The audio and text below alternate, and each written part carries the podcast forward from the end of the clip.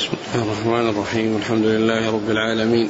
والصلاة والسلام على عبد الله ورسوله نبينا محمد وعلى آله وصحبه أجمعين. أما بعد يقول أمير المؤمنين في الحديث أبو عبد الله محمد بن إسماعيل البخاري رحمه الله تعالى يقول في كتابه الجامع الصحيح باب من أهدى إلى صاحبه وتحرى بعض نسائه دون بعض. الحديث الثاني قال حدثنا إسماعيل قال حدثني أخي عن سليمان عن هشام بن عروة عن أبيه عن عائشة رضي الله عنها أن نساء رسول الله صلى الله عليه وسلم كن حزبين. حزب فيه عائشة وحفصة وصفية وسودة والحزب الآخر أم سلمة. وسائر نساء رسول الله صلى الله عليه وسلم وكان المسلمون قد علموا حب رسول الله صلى الله عليه وسلم عائشة فإذا كانت عند أحدهم هدية يريد أن يهديها إلى رسول الله صلى الله عليه وسلم أخرها حتى إذا كان رسول الله صلى الله عليه وسلم في بيت عائشة بعث صاحب الهدية إلى رسول الله صلى الله عليه وسلم في بيت عائشة فكلم حزب أم سلمة فقلن لها كلمي رسول كلمي رسول الله صلى الله عليه وسلم يكلم الناس فيقول من أراد أن يهدي إلى رسول الله صلى الله عليه وسلم هدية فليهده إليه فليهده إليه حيث كان من بيوت نسائه فكلمته أم سلمة بما قلن فلم يقل لها شيئا فسألناها فقالت ما قال لي شيئا فقلنا لها فكلميه قالت فكلمته قالت فكلمته حين دار إليها أيضا فلم يقل لها شيئا فسألنها فقالت ما قال لي شيئا فقلنا لها كلميه حتى يكلمك. فدار إليها فكلمته فقال لها لا تؤذيني في عائشة فإن الوحي لم يأتني وأنا في ثوب امرأة إلا عائشة. قالت فقالت فقالت أتوب إلى الله من قالت فقالت أتوب إلى الله من أذاك يا رسول الله ثم إنهن دعون فاطمة بنت رسول الله صلى الله عليه وسلم. فأرسلن إلى رسول الله صلى الله عليه وسلم تقول إن نساءك ينشدنك الله العدل في بنت أبي بكر. فكلم فكلمته فقال يا بني ألا تحبين ما أحب؟ قالت بلى. فرجعت إليهن فأخبرتهن فقلن ارجعي إليه فأبت أن ترجع. فأرسلنا زينب بنت جحش فأتته فأغلظت وقالت إن نساءك ينشدنك الله العدل في بنت في بنت ابن أبي قحافة. فرفعت صوتها حتى تناولت عائشة وهي قاعدة فسبتها حتى إن رسول الله صلى الله عليه وسلم لينظر إلى عائشة هل تكلموا؟ قال فتكلمت عائشة ترد على زينب حتى أسكتتها. قالت فنظر النبي صلى الله عليه وسلم إلى عائشة وقال إنها بنت أبي بكر. قال البخاري الكلام الأخير قصة فاطمة يذكر عن هشام بن عروة عن رجل عن الزهري عن محمد بن عبد الرحمن. وقال أبو مروان عن هشام عن عروة كان الناس يتحرون بهداياهم يوم عائشة. وعن هشام عن رجل من قريش ورجل من الموالي عن الزهري عن محمد بن عبد الرحمن بن الحارث بن هشام. قالت عائشة كنت عند النبي صلى الله عليه وسلم فاستأذنته فاطمة رضي الله عنها. بسم الله الرحمن الرحيم. الحمد لله رب العالمين وصلى الله وسلم وبارك على عبده ورسوله نبينا محمد وعلى آله وأصحابه أجمعين. يقول الإمام البخاري رحمه الله باب ما يتحرى. باب من أهدى إلى صاحبه وتحرى بعض نسائه دون بعض. باب من أهدى إلى صاحبه وتحرى بعض نسائه دون بعض. هذه الترجمة عقدها البخاري رحمه الله وأورد تحتها حديثين أحدهما قصير مختصر والثاني مطول. و و وذلك أن أصحاب رسول الله صلى الله عليه وسلم كانوا يعلمون أن الرسول عليه الصلاة والسلام يحب عائشة أكثر من غيرها وأنهم يتحرون اليوم الذي يكون عندها فيرسلون إليه, إليه, إليه هداياهم في ذلك اليوم لأنه يكون عند يعني أحب النساء إليه رضي الله تعالى صلى الله عليه وسلم رضي الله تعالى عنها فكانت فكانوا يتحرون اليوم الذي يكون عندها ويرسلون هداياهم إليه هداياهم إليه يعني في ذلك اليوم لأنه اليوم الذي يعرفون سروره وارتياحه وحبه لصاحبة النوبة وهي أم المؤمنين عائشة رضي الله تعالى عنها وأرضاها. وكان وكان نساء الرسول عليه الصلاة والسلام يعني حصلت لهن الغيرة من ذلك. حصلت لهن الغيرة يعني من ذلك فطلب وكن مجموعتين. مجموعة فيها عائشة وهي عائشة وحفصة وسودة وصفية أربع. والمجموعة الثانية خمس وهن أم سلمة وزينب بن جحش ويعني أم حبيبة و و وميمونة يعني هذه خمس يعني مجموعتين التي توفي عنها الرسول صلى الله عليه وسلم هن خمس هن عشر هن تسع وأربع منهن التي هي عائشة ومن معها ثلاث وأما المجموعة الثانية فهي الخمس التي هي الباقية بعد مجموعة عائشة. رضي الله تعالى عنهن وعن الصحابة أجمعين.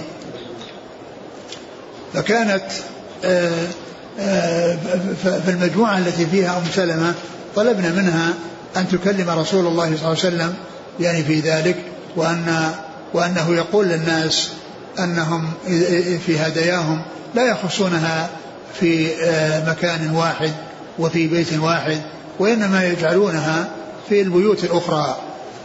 فأخبرت الرسول صلى الله عليه وسلم بذلك وأنها أبلغته ما يعني آه، اتفق اتفقنا عليه أي المجموعة التي معها أخبرته بذلك والرسول سكت.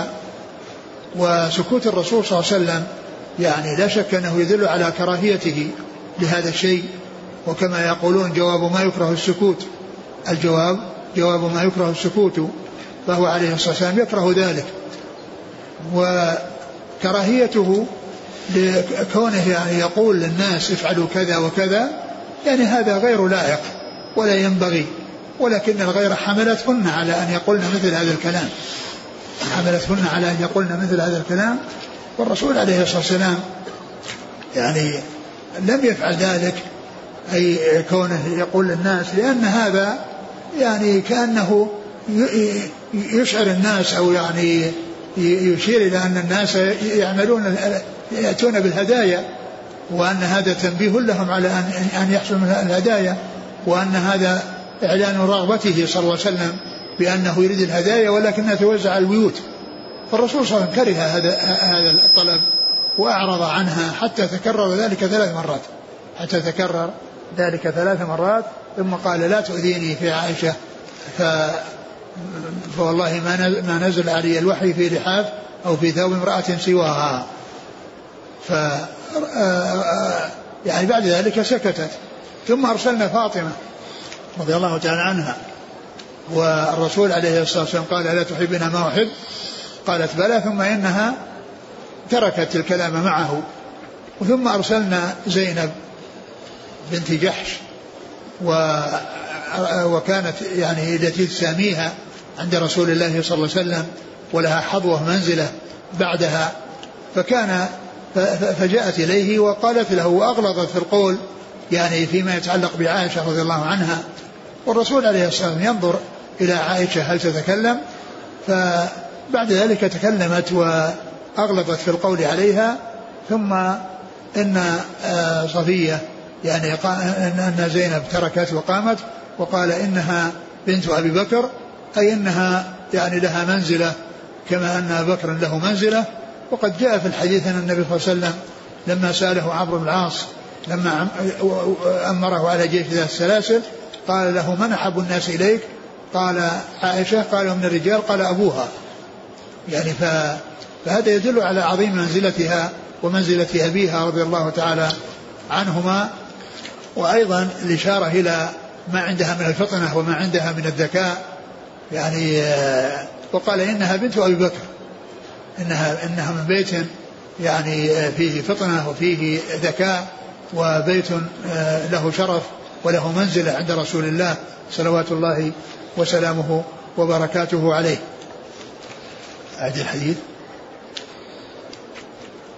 عن عائشة رضي الله عنها أن نساء رسول الله صلى الله عليه وسلم كن حزبين فحزب يعني فيه مجموعتين مجموعتين مجموعة تكون من أربع ومجموعة تكون من خمس. يعني والكبيرة يعني أو المتقدمة في آه، المجموعة الأولى عائشة والمتقدمة في المجموعة الثانية أم سلمة. وأما آه، زينب بنت خزيمة فإنها كانت إحدى زوجاته صلى الله عليه وسلم رضي الله عنها ولكنها توفيت في في زمن متقدم وكان قبل أن يتزوج النبي صلى الله عليه وسلم بأم سلمة. ولهذا يعني صارت المجموعتين إحداهما أربع مجموعة أربع والثانية خمس. وهذه التي تقدم فيها عائشة وهذه تتقدم فيها أم سلمة. نعم. فحزب فيه عائشة وحفصة وسودة وصفية وسودة نعم. والحزب الآخر أم سلمة وسائر نساء رسول الله صلى الله عليه يعني وسلم. يعني سائر بمعنى الباقي. يعني سائر يعني باقي. يعني أم سلمة هو الباقي. ومعلوم أن الباقي يعني أربع مع أم سلمة. فيكون خمس. و آه، وسائر آه، آه، تطلق كثيرا على على البواقي. يعني باقي الشيء يذكر الشيء ثم يشار إلى السائر يعني الباقي. وقد جاء ما يدل على أن السائر تطلق على الجميع. وقد ذكر ذلك الجوهري في الصحاح وذكر الحافظ بن حجر أنه في ترجمته قال إنهم أنكروا عليه أنكروا عليه أشياء منها سائر وإطلاقها على الجميع وإطلاقها على الجميع. ذكر ذلك في ترجمته في تهذيب التهذيب. ف فكلمة سائر الغالب استعمالها على الباقي. يذكر الشيء ثم يقال كذا كما يقال آه وصلى الله وسلم وبارك على عبده ورسول نبينا محمد وعلى سائر الأنبياء والمرسلين يعني باقي الأنبياء والمرسلين. وكلمة سائر يؤتى بها في الغالب للإشارة إلى ما يبقى بعد ما ذكر ويؤتى بها أحيانا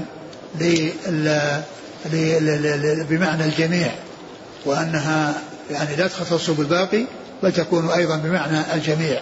وسائر كذا يعني جميع كذا. نعم. وكان المسلمون قد علموا حب رسول الله صلى الله عليه وسلم عائشة فإذا كانت عند أحدهم هدية يريد أن يهديها إلى رسول الله صلى الله عليه وسلم أخرها حتى إذا كان رسول الله صلى الله عليه وسلم في بيت عائشة بعث صاحب الهدية إلى رسول الله صلى الله عليه وسلم في بيت عائشة. فكلم حزب أم سلمة فقلنا لها كلمي رسول الله صلى الله عليه وسلم يكلم الناس. فيقول من أراد أن وقد جاء وقد ذكر يعني أن أن أن أن, أن, أن أنه كان يعني يطعم نساءه من هذا الذي يأتي لعائشة. ولعل هذا هو الذي جعلهن يعني يعرفن ذلك ويعلمن أن هذا يحصل في يوم عائشة حيث كانت تأتيه الهدايا ثم يرسل إلى نسائه يعني في ذلك اليوم فيفهمون أن الهدايا إنما تأتي في فيفهمن أن الهدايا إنما تأتي في يوم عائشة ولهذا قلنا ما قلنا وحملتهن الغيرة على ذلك. نعم. يكلم الناس فيقول من أراد أن يهدي إلى رسول الله صلى الله عليه وسلم هدية فليهده إليه حيث كان من بيوت نسائه. وهذا يعني كما هو معلوم وكما هو واضح يعني ما كان ينبغي والرسول صلى الله عليه وسلم ما لن يفعل ذلك ولا يفعل ذلك لأن هذا معناه كان يرغب الناس أو يدعو الناس إلى أن يهدوا. وهذا يعني وهذا من أسباب ترك الرسول صلى الله عليه وسلم أن يقول مثل هذا القول لأنه مما لا ينبغي لأن كان فيه إشعار الناس وترغيب الناس وتنبيه الناس إلى أنهم يعملون هدايا وأنه يطلب الهدايا منهم. وأن أنه يرغب ذلك. ومعلوم أن أنهم رضي الله عنهم وأرضاهم يحرصون على آه، الإهداء للرسول صلى الله عليه وسلم وإن لم يطلب ولكنه لو أشار فإن ذلك يكون أيضا فيه حفز لهم وزيادة في حفزهم على أن يفعلوا هذا الفعل الذي هو وأن أيضا يوزعوه على البيوت ويوزعها البيوت وهذا هو السبب أو من الأسباب التي جعلت النبي صلى الله عليه وسلم يسكت ويعرض ولعلها تفهم من هذا السكوت والإعراض أن مثل هذا لا ينبغي ولكنها تتكرر تكرر ذلك ولم يقل لها يعني أن السبب أو من الأسباب أن هذا لا ينبغي ولا يصلح أن يقول للناس كذا وكذا وإنما أشار إلى منزلتها وإلى مكانتها عنده وأن الوحي لم ينزل عليه وهو في ثوب امرأة أو لحاف امرأة أو في فراش امرأة سواها. نعم.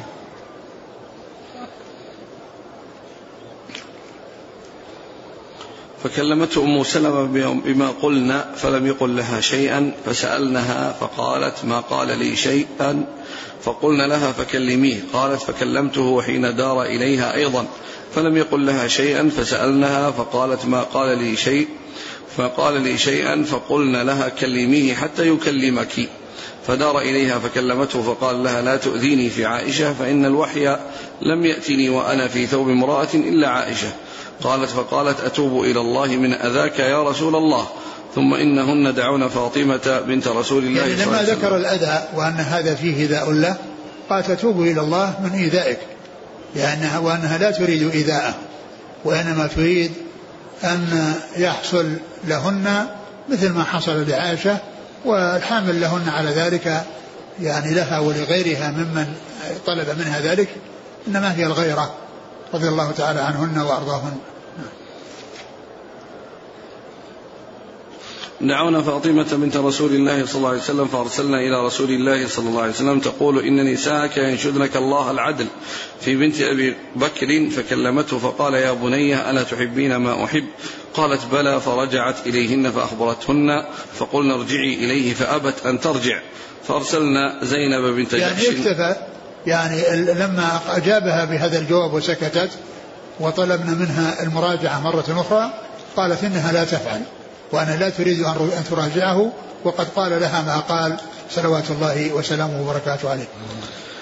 وهذا يعني يدل على يعني شدة حرصهن على تحقيق هذا الشيء الذي طلبنا لأنهن طلبنا من أم سلمة وتكرر ذلك منها ثم طلبنا من بنت رسول الله صلى الله عليه وسلم فاطمة رضي الله عنها وقال لها ألا تحبين ألا تحبين ما أحب؟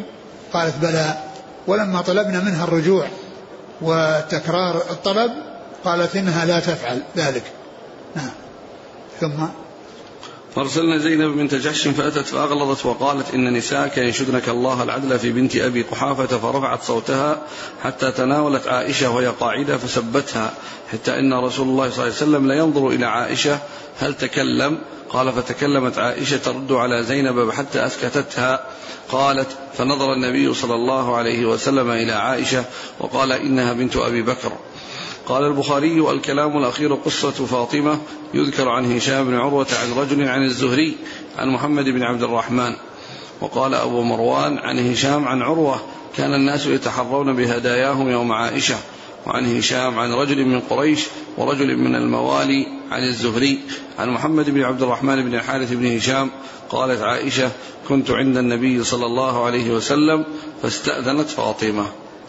ثم ذكر أن هذا الحديث الذي جاء من هذا الطريق المتصلة أنه آه، فيه الأمور الثلاثة التي هي قصة آه، يعني أم سلمة وقصة آه، فاطمة وقصة زينب زينب بن جحش رضي الله عنهن وأن ما جاء في قصة فاطمة يعني وما بعدها إنما جاء في بعض الروايات في على اختلاف على اختلاف يعني فيها آه، مع الطريقة الأولى التي جمعت أو جمع فيها بين آه، بين الثلاث التي هي يعني أم سلمة ثم فاطمة ثم زينب بنت جحش رضي الله عنهن. نعم. قال حدثنا إسماعيل. إسماعيل بن أبي ويس. عن أخيه. هو عبد الحميد بن أبي ويس. عن سليمان. سليمان بن بلال. عن هشام بن عروة عن أبيه عن عائشة. نعم. قال رحمه الله تعالى باب ما لا يرد من الهدية. قال حدثنا أبو معمر قال حدثنا عبد الوارث قال حدثنا عزرة بن ثابت الأنصاري قال حدثني ثمامة بن عبد الله قال دخلت عليه فناولني طيبا. قال كان أنس رضي الله عنه لا يرد الطيب. قال وزعم أنس أن النبي صلى الله عليه وسلم كان لا يرد الطيب. ثم ذكر في آه، باب ما لا يرد من الهدية. باب ما لا يرد من الهدية. معلوم أن الهدية الأولى عدم ردها إلا إذا كان الإنسان يعني ما ينبغي أن يهدى إليه كأن يكون موظفا وأن يكون يعني مسؤولا. وأن هذه قد يكون المقصود منها المحاباة فإن الهدية ترد يعني في في في مثل ذلك. وكذلك أيضا ترد الهدية إذا احتمل أو اشتبه الأمر بأن يكون فيها شيء محذور كما مر في قصة صعب بن جثامة الليثي الذي آه يعني صاد الذي صاد يعني حمارا وحفيا وأهداه للرسول عليه الصلاة والسلام فرده النبي عليه الصلاة والسلام ولما رأى في وجهه الكراهية لرد هديته اعتذر بقوله صلى الله عليه وسلم إنا لم رده إليك إلا أن حرم. يعني أنه خشي أن يكون صيدا من أجله أن يكون صيدا من أجله فرده. فالهدية الأولى قبولها إلا إذا كان الإنسان يعني آه، فيه بقبولها شيء من المحاذير فإنه فإنه يردها ويعتذر بأن مثله لا يصلح أن يهدى له ويعتذر بأن مثله لا يصلح أن يهدى له لأنه لأنه موظف. و ثم أيضا الهدية يثاب عليها. الهدية يثاب عليها. فإذا يعني آه، أخذها الإنسان وهو يعني من يسوغ له أخذها فإنه يكافئ عليها في مثلها أو أكثر منها. في مثلها أو أكثر منها. قال إيش؟ أن أنس كان لا يرد الهدية وزعم النبي صلى الله عليه وسلم كان لا يرد أنس رضي الله عنه كان لا يرد الهدية. وزعم أي أخبر لأن الزعم يطلق على الخبر المحقق وكثيرا ما يأتي في الأحاديث ذكر الزعم والمراد به الخبر المحقق. وكان لا يرد الهدية وأخبر عن الرسول صلى الله عليه وسلم كذلك. لا يرد الطيب لا يرد الطيب. لا يرد الطيب. قال أن أنس لا كان يرد الطيب وزعم أن النبي ما كان يرده. وذلك أن الطيب يعني آه، فيه رائحة طيبة و يعني وهو يعني كما قيل خفيف المحمل يعني طيب الرائحة. فكان عليه الصلاة والسلام يعني لا يرد الطيب. وكذلك أيضا معلوم أنه ما كان يرد الهدايا إلا إذا كان يعني هناك أمر يقتضيه. إلا إذا كان هناك أمر يقتضيه كما جاء في قصة الصعب بن جثامة الليثي. نعم.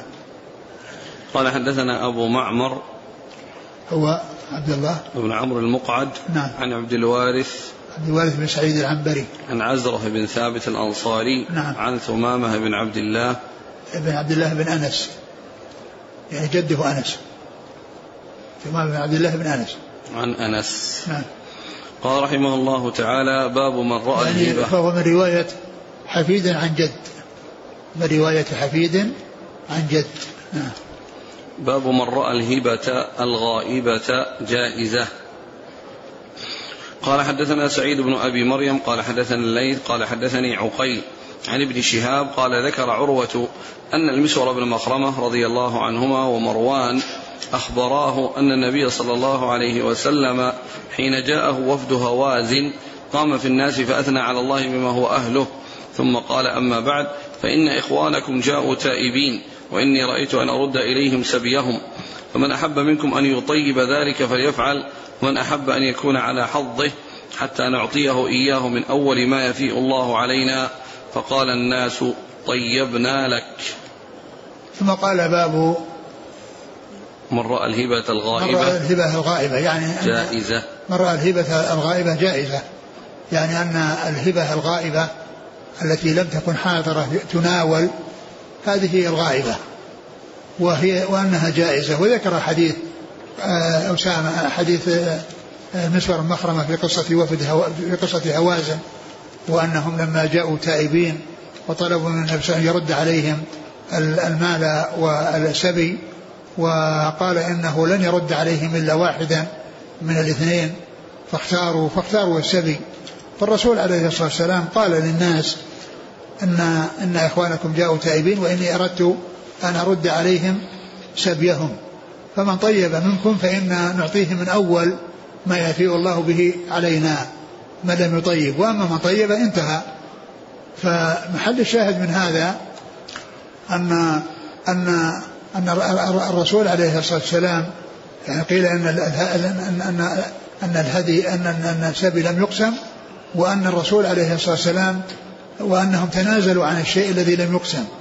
أو أو أو يؤخذ أيضا مما قال فإن نعطيه من أول ما يفيء الله لنا. فإن هذا يعني يعني يهبهم من أول شيء يعني بدل هذا الشيء الذي استحقوه بدل هذا الشيء الذي استحقوه. فاستنتج من هذا الإمام البخاري رحمه الله جواز الهبة الغائبة. نعم. قال حدثنا سعيد بن أبي مريم نعم. عن الحل عن الليث عن؟ عن الليث نعم. عن عقيل آه، الليث بن سعد عن عق- عقيل بن عق... بن خالد بن عقيل. عن ابن شهاب نعم. عن عروة عن المسور بن مخرمة ومروان. نعم. قال رحمه الله تعالى باب المكافأة في الهبة. قال حدثنا مسدد قال حدثنا عيسى بن يونس عن هشام عن أبيه عن عائشة رضي الله عنها قالت كان رسول الله صلى الله عليه وسلم يقبل الهدية ويثيب عليها. لم يذكر وكيع ومحاضر عن هشام عن أبيه عن عائشة. ثم ذكر المكافأة على الهدية. على الهدية. هبة على الهبة. معلوم أن أن الهبة والهدية كما ذكر الحافظ في أول الشرح أن يعني أن أنهما مؤداهما واحد. يعني يقال يعني لكل شيء يعطيه الإنسان أو يملكه الإنسان في حياته يقال له هبة ويقال له هدية ويقال له صدقة. يعني كل هذه الأمور تطلق على ما يحصل من الإنسان في حياته. على ما يحصل من الإنسان في حياته من الإعطاء. يعني يطلق عليه هدية ويطلق عليه صدقة ويطلق عليه آآ آآ يعني هبة. وأيضا. الإبراء أيضا كذلك يدخل في ذلك يعني من كان عليه دين ثم يسقطه فإن هذا يعني وهب له شيئا في ذمته أسقطه عنه ولم يطالبه به. كما قال الله عز وجل وإن كان ذي عسرة فنظرة إلى ميسرة وأن تصدقوا خير لكم. يعني كونكم المعسر تنظرونه إذا جاء الأجل هذا مطلوب ولكن أحسن منه أن يتصدق عليه وأن يسقط الدين عنه كله أو بعضه. لأن قوله أن تصدقوا خير لكم يعني هذا خير من الإنظار وخير من النظرة إلى ميسرة كون الإنسان يسقط عنه شيء ويخلي ذمته منه إما منه كل من كله أو من بعضه من كله أو من بعضه. ف يعني هذا يعني فيه يعني ال إيش إيش إيش؟ المكافأة في الهبة. كان صلى الله عليه وسلم يقبل الهدية ويثيب عليها. نعم كان المكافأة على الهبة أن النبي كان يقبل الهدية ويثيب عليها. ويثيب عليها هذه المكافأة. هذا المقصود بالمكافأة. يعني عليها. يعني يثيب. يعني هو هذا المقصود بالمكافأة عليها. يعني يقبل الهبة ويقبل الهدية ولكنه يكافئ عليها. ويكافئ عليها بأحسن منها والمكافأة لا تكون بأقل من من الهدية وإنما بمثلها أو أكثر منها وكونها أكثر منها هو الأولى. نعم. قال حدثنا مسدد ابن مسرهد. عن عيسى بن يونس بن أبي إسحاق. عن هشام عن أبيه عن عائشة. نعم. قال رحمه الله تعالى باب الهبة للولد وإذا أعطى بعض ولده شيئا لم يجز حتى يعدل بينهم ويعطي الآخرين مثله ولا يشهد عليه ولا يشهد عليه. وقال النبي صلى الله عليه وسلم اعدلوا بين أولادكم في العطية وهل للوالد أن يرجع في عطيته؟ وما يأكل من مال ولده بالمعروف ولا يتعدى وما؟ يأكل من مال ولده بالمعروف. نعم. ولا يتعدى. واشترى النبي صلى الله عليه وسلم من عمر بعيرا. ثم أعطاه ابن عمر وقال اصنع به ما شئت. قال حدثنا عبد الله بن يوسف قال أخبرنا مالك عن ابن شهاب عن حميد بن عبد الرحمن ومحمد بن النعمان بن بشير أنهما حدثاه عن النعمان بن بشير أن أباه أتى أن أباه أتى به إلى رسول الله صلى الله عليه وسلم فقال إني نحلت ابني هذا غلاما. فقال أكل ولدك نحلت مثله؟ قال لا. قال فارجعه. باب. الهبة للولد وإذا أعطى بعض الهبة للولد.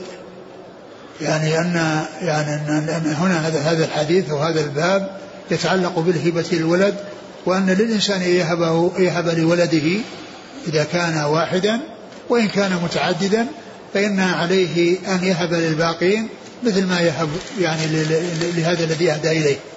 وإلا فإنه يرجع إذا إذا لم يستطع التسوية بينهم وأهدى لأحدهم ولم يستطع التسوية بينهم بأن يعطي الباقين مثل ما أعطى هذا الموهوب فإنه يرجع في هبته يرجع في هبته وهذا مما اختص به الأب يعني في الرجوع بالهبة.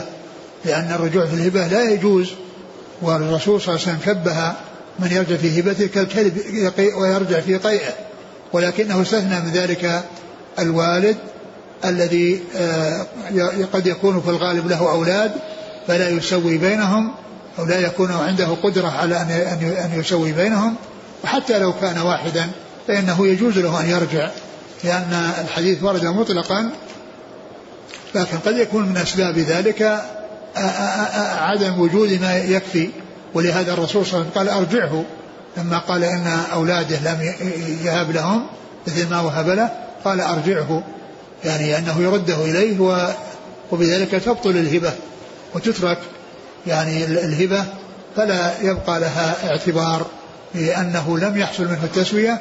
وقد أمر الرسول بالعدل بين الأولاد. وقد أمر النبي صلى الله عليه وسلم بالعدل بين الأولاد فيهب لهم ويسوي بينهم في الهبة. قال باب الهبة للولد و وإذا أعطى بعض ولده شيئا لم يجز حتى يعدل بينهم. وإذا أعطى لبعض ولده شيئا لم يجز حتى يعدل بينهم. حتى يعدل يعني يسوي بينهم بالعطية وبالهبة. يسوي بينهم بالعطية والهبة نعم. لم يجوز. ويعطى ويعطي الآخرين مثله نعم. ولا يشهد عليه. يعني لا يلزم الإشهاد على يعني لا يلزم الإشهاد على على على الهبة. يعني كما طلب في الحديث وأنهم يطلبون منه الشهادة وأن أمه أي أم أم أسامة أم النعمان بن بشير طلبت من من من بشير والد النعمان أن يعني يطلب من الرسول صلى الله عليه وسلم أن يشهده على هذه العطية. فلما بلغت الرسول صلى الله عليه وسلم منع هذه العطية لأنه لم يتمكن من التسوية بين الأولاد في الهبة. نعم. قال صلى الله عليه وسلم أعدلوا بين أولادكم في العطية. وقال صلى الله عليه وسلم اعدلوا بين أولادكم في العطية. اعدلوا بين أولادكم في العطية. يعني أنه يسوون بينهم والعدل هو التسوية بينهم. وهذه التسوية فيما يتعلق بال يعني بال يعني في البني في الأولاد أمرها واضح. وأما إذا كان أولاد بنين وبنات أولاد يعني من بنين وبنات فإن بعض أهل العلم وجماعة من العلم قالوا إنه يجعل لذكر من حظ الأنثيين وأن هذا من جنس الميراث وأن هذا المال لو بقي فإنه يوزع عليهم لذكر من حظ الأنثيين. وقد يكون يعني بعض الناس يريد أن يسوي بينهم ويعني حتى لا تكون أو حتى لا يبقى فيكون له للذكر مثل حظ الأنثيين. فالرسول صلى الله عليه وسلم يعني لم يأتي شيء يدل على يعني أن التسوية في الحياة أنها مثل التسوية بعد الموت وإنما بعض أهل العلم قالوا إن قسمة العطية في الحياة تكون على على وفق الميراث على وفق الميراث. وقد يكون بعض الناس يتهرب من أن يكون هذا المال يقسم لذكر من الأنثيين فيعطي الأنثى مثل الذكر فيعطي الأنثى مثل الذكر. ومعلوم أن أن أن أن أن, أن, أن الأنثى على النصف من الذكر في خمسة مواضع منها الميراث. وذلك أن الرجل هو المال الذي يعطاه هو معرض للنقص. وأما التي تعطاه هي فإنه معرض للزيادة لأن ذاك يريد أن يتزوج وينفق على الزوجة وعلى الأولاد وأما هي فيأتيها المهر ويأتيها النفقة.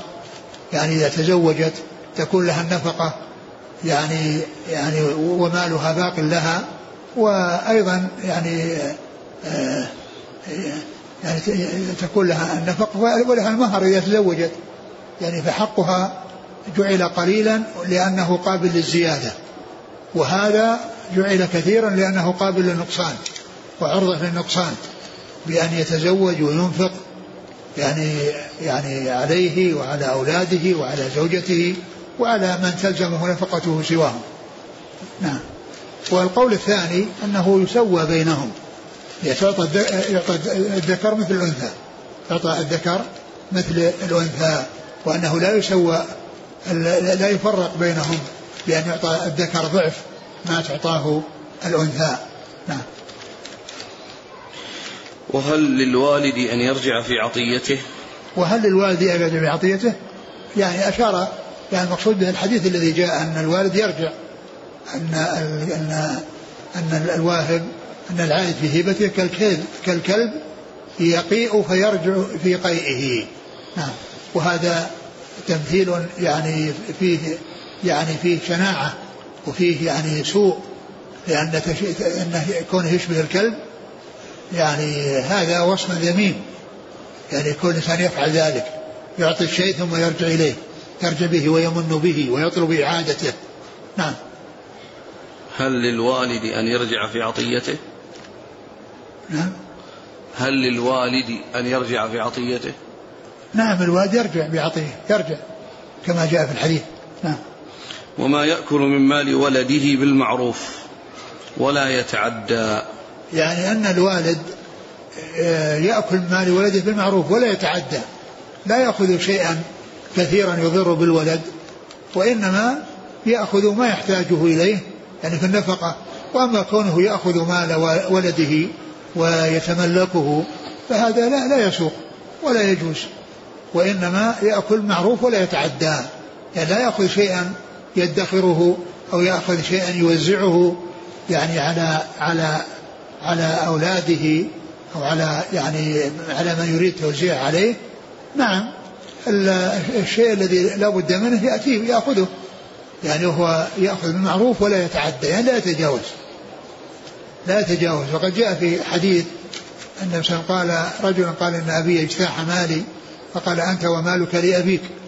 يعني هذا فيه بيان أن الوالد له حق عظيم وأنه يعني يحرص على إرضائه ولا يعني يسعى أو يفكر في مخاصمته إلا أن يضطر إلى ذلك بأن يأخذ ماله كله أو يلحق به ضررا ومع ذلك يحرص على ألا يخاصمه وأن يرفعه ولا يرفعه بل يجتهد على إرضائه دون أن تصل إلى محاكم ودون أن يحصل بينه وبين والده يعني خصومة. فيعني له أن يأكل معروف ولا يتعدى. يعني لا يأخذ شيئا يعني يضر بالولد. ولهذا لما جاء النبي اجتاح مالي قال أنت ومالك لأبيك يبين عظيم حق الوالد على الولد ولكنه يعني يكون بالمعروف وبدون تعدي ولا يتعدى الوالد على الولد فيأخذ جميع ماله ويبقى الولد ليس بيده شيء. وهل للوالد واشترى النبي صلى الله عليه وسلم من عمر بعيرا ثم أعطاه ابن عمر. واشترى واشترى من من عمر بعيرا ثم وهبه لعبد الله بن عمر.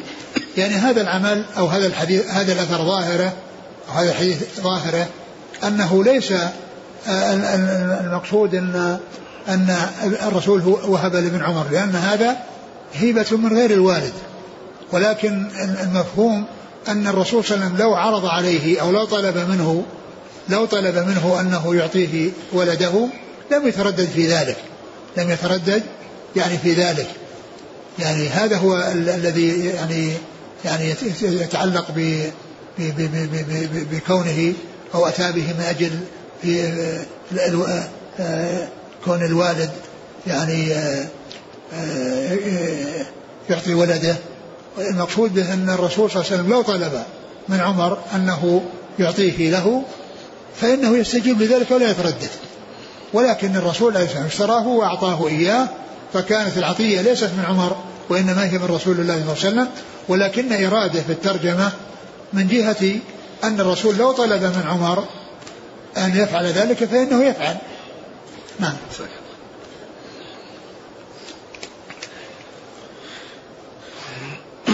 واشترى النبي صلى الله عليه وسلم من عمر بعيرا ثم أعطاه ابن عمر وقال اصنع به ما شئت. نعم. حديث النعمان بن بشير أن أباه أتي, أتى به النبي صلى الله عليه وسلم فقال إني نحلت ابني هذا غلاما. فقال أكل ولدك أكل ولدك. نحلت مثله؟ قال لا. قال فارجعه. ثم ذكر حديث النعمان بن بشير وقد جاء من طرق متعددة وأورده البخاري في مواضع متعددة وأورده هنا يعني من جهة أن أن أن أنه أعطى ابنه النعمان يعني بعيرا وأنه آه، غلاما. أعطاه غلاما البعير في قصة عمر. أعطاه غلاما فطلبت أمه آه، أن تذهب أن يذهب إلى رسول الله صلى الله عليه وسلم وأن يشهده على ذلك حتى تطمئن إلى أنه ثبت ملكه وثبتت عطيته أي ابنها له. فلما ذهب وسأله عليه الصلاة والسلام أكل ولدك نحلتها مثل هذا قال لا قال فارجعه. فدل هذا على أن أن الإنسان إذا أعطى ولده عليه أن يسوي بينهم وألا يفرق بينهم وأنه إن أعطى أحدهم ولم يتمكن من التسوية فإنه يرجع يرجع الشيء الذي أعطاه لأحد أولاده و وهذا يعني يدل على رجوع الوالد في الوالد في الهبة. يدل على رجوع الوالد في هبته لولده. قال فأرجعه.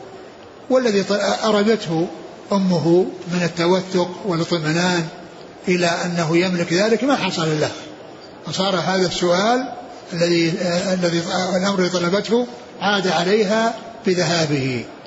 يعني عاد عليها بذهاب تلك الهدية وأنها لم تبق له.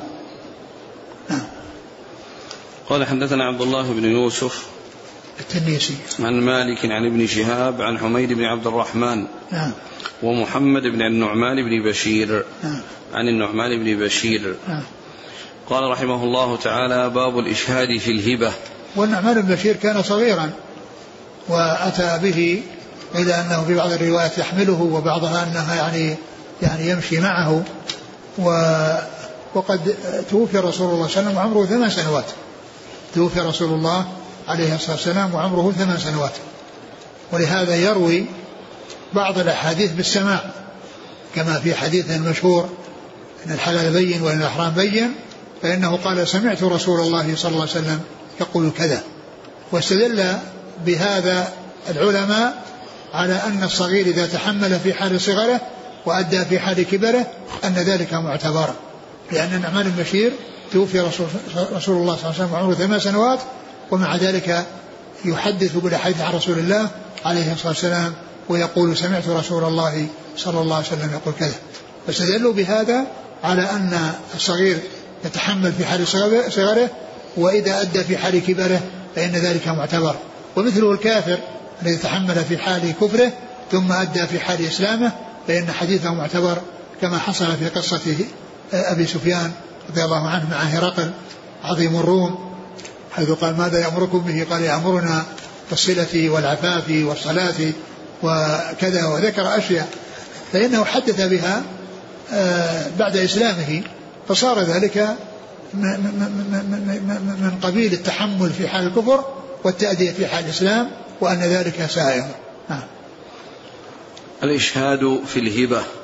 قال حدثنا حامد بن عمر قال حدثنا أبو عوانة عن حسين عن عامر قال سمعت النعمان بن بشير رضي الله عنهما وهو على المنبر يقول أعطاني أبي عطية فقالت عمرة بنت عبد بنت رواحة لا أرضى حتى تشهد رسول الله صلى الله عليه وسلم. فأتى رسول الله صلى الله عليه وسلم فقال إني أعطيت ابني من عمرة بنت رواحة عطية. فأمرتني أن أشهدك يا رسول الله. قال أعطيت سائر ولدك مثل هذا؟ قال لا. قال فاتقوا الله واعدلوا بين أولادكم. قال فرجع فرد عطيته. ثم ذكر الإشهاد على العطية أو الهبة. الإشهاد ليس بلازم ليس بلازم الإشهاد ولهذا مر يعني آه، قال في الترجمة قال ولا يشهد. في الترجمة ولا يشهد على ذلك. ولا يشهد عليه. ولا يشهد عليه. يعني أنه ليس بلازم أن يشهد عليه. لأن لأنه قد حصل الإعطاء ولم يحصل الإشهاد. والرسول عليه الصلاة والسلام يعني آه يعني آه إنما منعه من أجل عدم التسوية. وإلا لو أن الإعطاء حصل مع التسوية أو أنه ليس له غيره فإن العطية لا يلزم فيها الإشهاد. يعني يكفي أن الإنسان يناوله أو يعني آه يضع يترك يعني يرفع يده عن الشيء الذي يريد أن يعطيه إياه دون لا يلزم ولا يلزم أن يكون هناك إشهاد. نعم. قال حدثنا حامد بن عمر نعم. عن أبي عوانة الوضاح بن عبد الله اليشكري. عن حسين حسين بن عبد الرحمن. عن عامر عامر الشعبي. عن النعمان بن بشير. نعم. قال رحمه الله تعالى باب هبة الرجل لامرأته والمرأة لزوجها. قال إبراهيم جائزة. وقال عمر بن عبد العزيز لا يرجعان. واستأذن النبي صلى الله عليه وسلم نساءه في أن يمرض في بيت عائشة. وقال النبي صلى الله عليه وسلم العائد في هبته كالكلب يعود في قيئه. وقال الزهري في من قال لامرأته هبي لي. بعض صداقك أو كله ثم لم يمكث إلا يسيرا حتى طلقها فرجعت فيه. قال يرد إليها إن كان خلبها وإن كانت أعطته من طيب نفس وإن كانت أعطته عن طيب نفس ليس في شيء من أمره خديعة جاز. قال الله تعالى فإن طبن لكم عن شيء منه نفسا.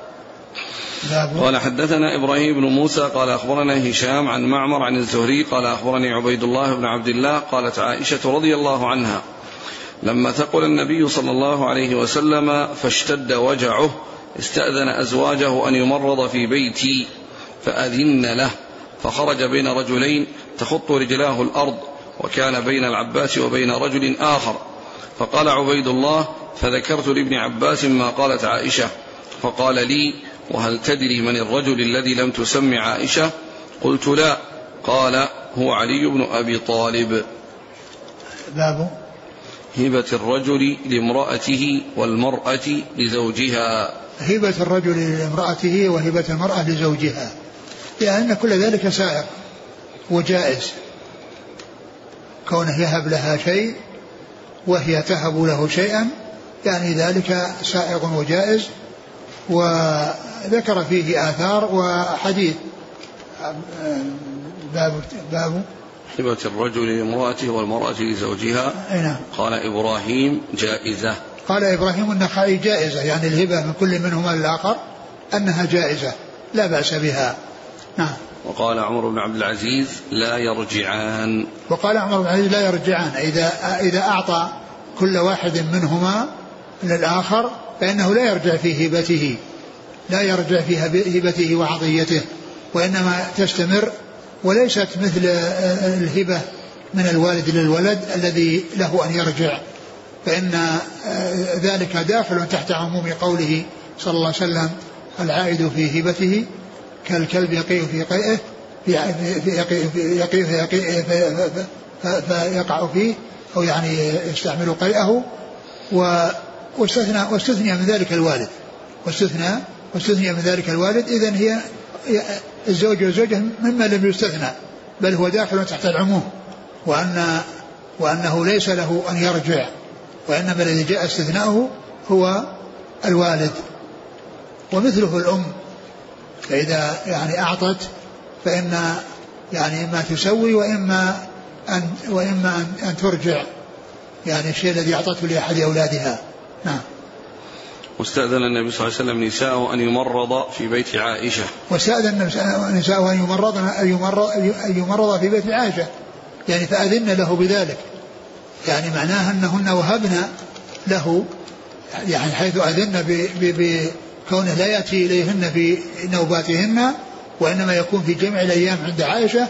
إذا يعني آه، تنازلنا عن حقهن وهو أن يعني يأتي إلى كل واحدة في كل ليلة. وإنما يبقى عند عائشة في حال مرضه. نعم. فهي هبة هبة للزوج. النوبة بدل أن تكون عندها تنازلت أو تنازلنا أن يكون النبي صلى الله عليه وسلم في جميع الأيام التي كان مريضا في بيت عائشة. نعم. وقال صلى الله عليه وسلم العائد في هبته كالكلب يعود في قيئه. نعم. وقال العائد العائد في هبته كالكلب يعود في قيئه. ولا يستثنى من ذلك إلا الوالد. نعم. وقال الزهري في من قال لامرأته هبي لي بعض صداقك أو كله ثم لم يمكث إلا يسيرا حتى طلقها فرجعت فيه. قال يرد إليها إن كان خلبها وإن كانت أعطته عن طيب نفس ليس في شيء من أمره خديعة جاز. قال الله تعالى فإن طبن لكم عن شيء منه نفسا. ثم ذكر هذا الزهري نعم. ثم ذكر عن الزهري أنه سئل عن رجل يعني طلب من زوجته أن تهب له الصداقة كله أو بعضه وأنها فعلت ثم طلقها بعد ذلك مباشرة.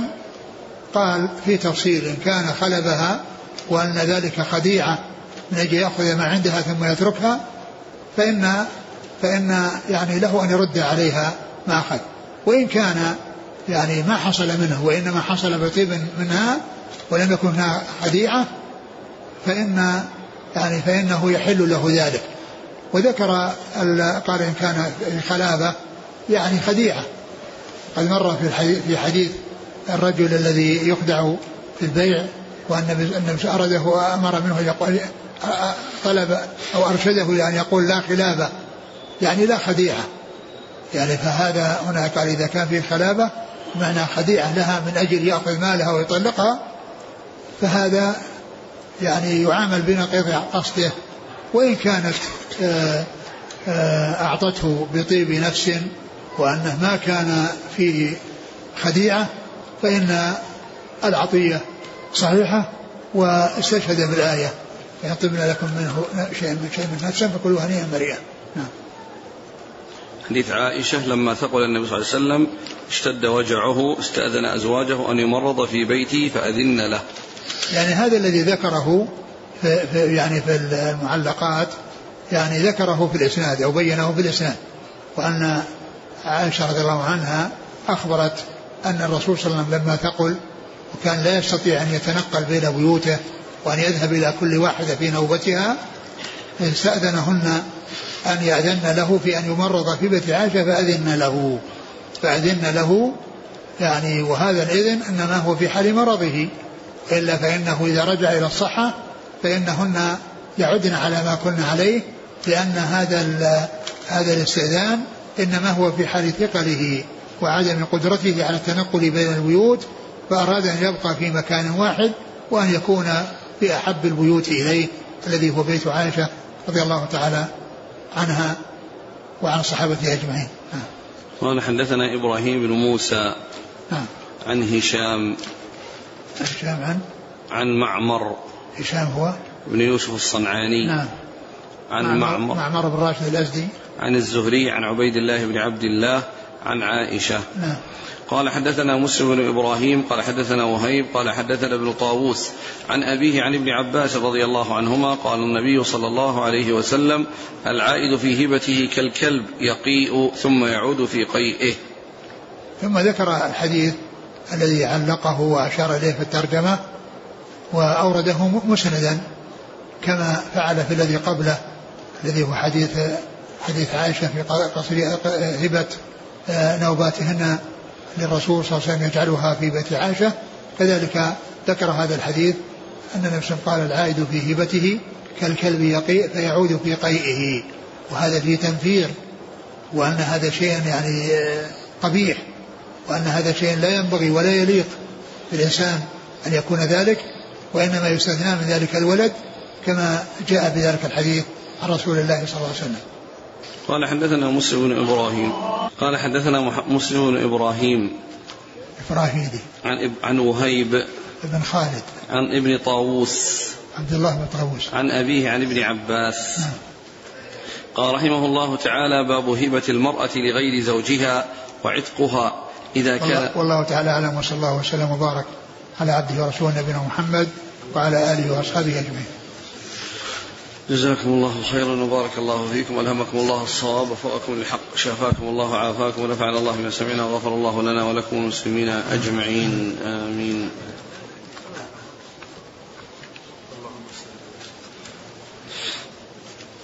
جاء عدد من الأسئلة عندما قالت عائشة رضي عنها حزب. وش هذه كلمة معلوم, معلوم أن إطلاقها يعني على جماعة لكن في هذا الزمان صار إطلاقها على التحزب والأحزاب يعني إطلاق آخر. يعني عرف بالعرف يعني الذي هو التفرق يعني تحزب تفرق. وأما ذاك يعني فإنه آه، يعني آه، مجموعتين كل واحدة منهما يعني آه، متماثلات ومتشابهات. ويعني بعضهن متقارب مع بعض بخلاف وأما ما يوجد في هذا الزمان فهو اصطلاحا يعني يدل على التفرق والتحزب. نعم. إذا أهدى إلي شخص هدية غالية الثمن وأنا لا أستطيع أن أكافئه بمثلها فهل الأفضل أن أردها أو يكفي أن أرد له ولو بأقل من قيمتها. ما ينبغي الإنسان وإنما يعني يعني إذا كان أنه ما يستطيع أن يكافئه يعني بأكثر أو بمماثل فإنه يقول يعني يعني يعتذر يعني عن قبولها ويقول يعني لو أعطيتها لغيري لكن وإن أخذها ولم يكافئ عليه يجوز لكن مو بواجب المكافأة. لكن هذا هو الذي ينبغي هذا هو الذي ينبغي أن الإنسان يكافئ وإلا المكافأة ليست واجبة وليست بلازمة. هل للوالد أن يشتري للأنثى من بناته الحلي ويشتري للذكر شيئا دون ما اشترى للأنثى في الثمن؟ ما ينبغي هذا وإنما يعني إذا كان يعني شراءه من ماله شراءه من ماله فهو إما أن يستأذن يعني الباقين إذا كان يريد أن يخصها بشيء يستأذن وإذا أذنوا له لا بأس وإلا فإنه يسوي بينهم يسوي بينهم. نعم. إذا أعطيت بعض أولادي شيئا لأجل حفظ القرآن تحفيزا. ما في بأس إذا أعطي شيء من أجل مكافأة أو يعني آه، آه، تشجيع يعني على على شيء لا سيما الأولاد الصغار الذين يحتاجون إلى مثل هذه الأمور. لا بأس بذلك لأنه ليس بلازم أنه إذا إذا أعطى أحد من أجل تحفيزه يعني على شيء أنه يسوي بين الجميع. وكذلك أيضا لو كان أحد الأولاد يعني آه، عنده عنده تعب وعنده يعني عدم قدرة على عنده ضعف وأنه أعطاه لضعفه لأن الصدقة لا تحل له ولكنه لو أعطاه لزمانته ولمرضه ولتعبه أو علاجه يعني بشيء لا بأس بذلك.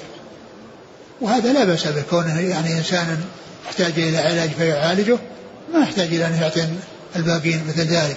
مثل أنه لو حصل إذا جاء زمن زواجه يزوجه ويلزمه أن يزوجه ولكن لا يدفع أو يرصد لكل واحد من أولاده مثل ما أعطاه لأن هذا شيء مثل النفقة. هذا مثل شيء النفقة له شيء له وقت. فالوقت الذي يحتاج فيه للزواج أو يبلغ الزواج يزوجه والثاني إذا جاء فإنه يزوجه.